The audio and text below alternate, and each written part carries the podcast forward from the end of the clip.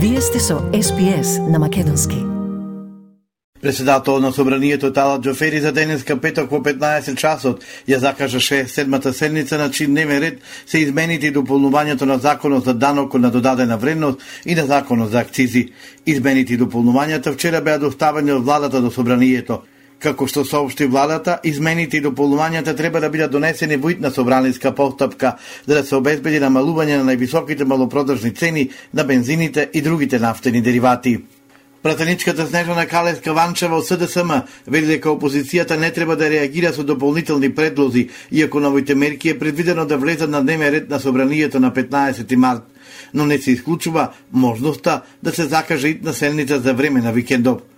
Опозицијата ќе интервенира со манмани на предложените владини мерки за намалување на акцизата за горивото и ДДВ-то за прехранбени производи. Пратеничката на ВМРО ДПМН Ели Панова вели дека владата на СДСМ и ДУИ ги жртвува граѓаните. Таа рече дека ќе барат намалување на акцизата за гориво за 50 од 100, а за храната да падне на 0%. Навистина се надевам дека опозицијата ќе свати дека а, владата е најодговорна и владата е чинителот кој што треба значи, да излезе со конкретни мерки и препораки. Да, значи, тие имаат право да кажат дали се согласуваат, дали не, или да предложат не, некое подобрување. Ако работиме и викендот, ние секако, нашата парламентарна група, односно нашата е, пратеничка група е овде присутна во собранието и ќе присуствува и ќе дебатира и ќе поднесеме амандмани за во насока да добијат подобри закони граѓаните и да има вистински ефект во цената и на горивата и на храната. Белиот леп, зетинот и брашното тип 400 веќе се продаваат по набавна цена. За другите основни прехранбени производи, шејкер, трајно кравио млеко, свежо месо, сумоместнати производи кравио и мешано сирење, урда, македонски ориз, јајца и тестенини, маржата се намалува на 4% во трговијата на големо и на 3% во трговијата на мало. Но дали на трговците на мало ким се исплати да продаваат дел од производите без маржа, односно профит, дали ова нема да доведе до празни рафтови во продавниците, министерот за економија Крешник Бектеши вели не. Се работи само за три производи, повеќето од трговците на мало, маркетите или супермаркетите имат илјадици производи кои ги имат во своите маркети и значи тие нема да имат загуби од овие производи. Правиме напори се со цел помал да биде притисокот врз зголемување на цените и на таков начин да го заштитиме стандардот на, на граѓаните. Како време на мерка се забранува и извозот на зејтин, а постои можност тоа да се случи и со брашното, пченката и пренитата, затоа што во последно време има голема побарувачка од Грција и од други земји. Никола Поповски, поранешен министер за надворешни работи и поранешен пратеник од ВМРО ДПМН за ТВ24, порача дека најголемите последици за Македонија од руската инвазија ќе бидат економските. Цитирам, Не постои безбедност закана за нас во балкански рамки. Тоа што има НАТО сили на Косово е фактор на стабилност и би требало да сме посигурни. Немањето на НАТО сили на Косово може да стимулира посегнување по оружје и воено решавање на прашањата од сите можни аспекти, рече Поповски.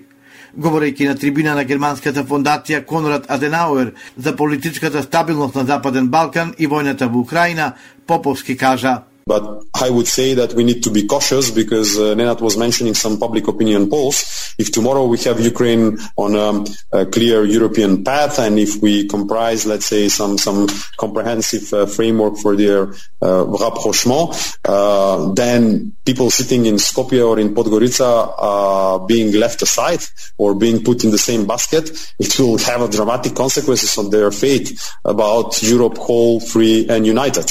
We have some push, some, some burst of energy coming from European capitals.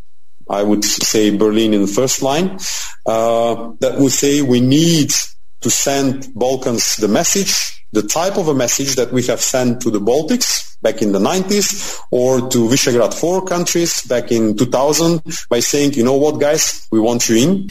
Министер за здравство Беким Сали објави убави вести од гинекологија во Чаир, посочувајќи дека родилка од Украина донесе да свет девојче. Оксана од Украина донесе на свет девојче тешко 3 кг и 890 грама и долго 54 см. Мајката Оксана и новороденчето се во добра состојба, Меморандум за разбирање за поштенска соработка меѓу Македонската и Бугарската пошта и двегодишна програма за спроведување на договорот меѓу Министерството за животна средина на двете држави се подпишани вчера во Софија помеѓу представници на македонската влада предводени од вице-премиерот за европски прашања Бојан Маричич, вице-премиерката Славица Гркова, како и министрите Насер Нуредини, Адмира Малити и директорот на пошти Јани Макрадули со нивните бугарски колеги. Боробите ги преточивме во дела, порача вице-премиерот Маричич. Следната средба на работната група за европска соработка, зелена транзиција, дигитална трансформација и владење на правото ќе се одржи на почетокот на месец април во Скопје. Во гостување на ТВ24, завчера премиерот Димитар Ковачевски кажа дека билатералните прашања не може да бидат дел од преговарачката рамка со ЕУ. Треба да се врати до вербата меѓу двете општества во Македонија и Бугарија. Лидерот на партијата Граѓанско-демократска унија и представник на македонските бугари Петар Колев на Фейсбук се пожали дека македонските гранични служби не ги пуштаат собствениците на автомобили со бугарски регистарски таблички да ги внесат во Македонија. Тој тврди дека како образложение на собствениците им се дадени наволни царински прекршоци и измислени распределби на МВР и царината. Поранешниот министер за транспорт и врски Милијана Киески и две други обвинети во случајот дизајн своеволно ја признаа вината за кривично дело кој им се става на товар и беа огласени за виновни и осудени на условна казна од две години затвор, која нема да се реализира доколку обвинетите во следните пет години не сторат ново кривично дело. Военносудот информира дека предметот до обвинетиот актуелен пратеник од ВМРО ДПМН Игор Јанушев, кој не ја призна вината, продолжува со главна расправа закажана за 28 март. Асистентот за јавни набавки на Данела Артовска, Христијан Митковски, најави дека преговарал со компании за набавка на нови автобуси и веќе се подготвувала тендерската документација. Ова е многу слично како и набавката на кинеските автобуси, за која веќе има признанија за сторени кривични дела реагираат од СДСМ.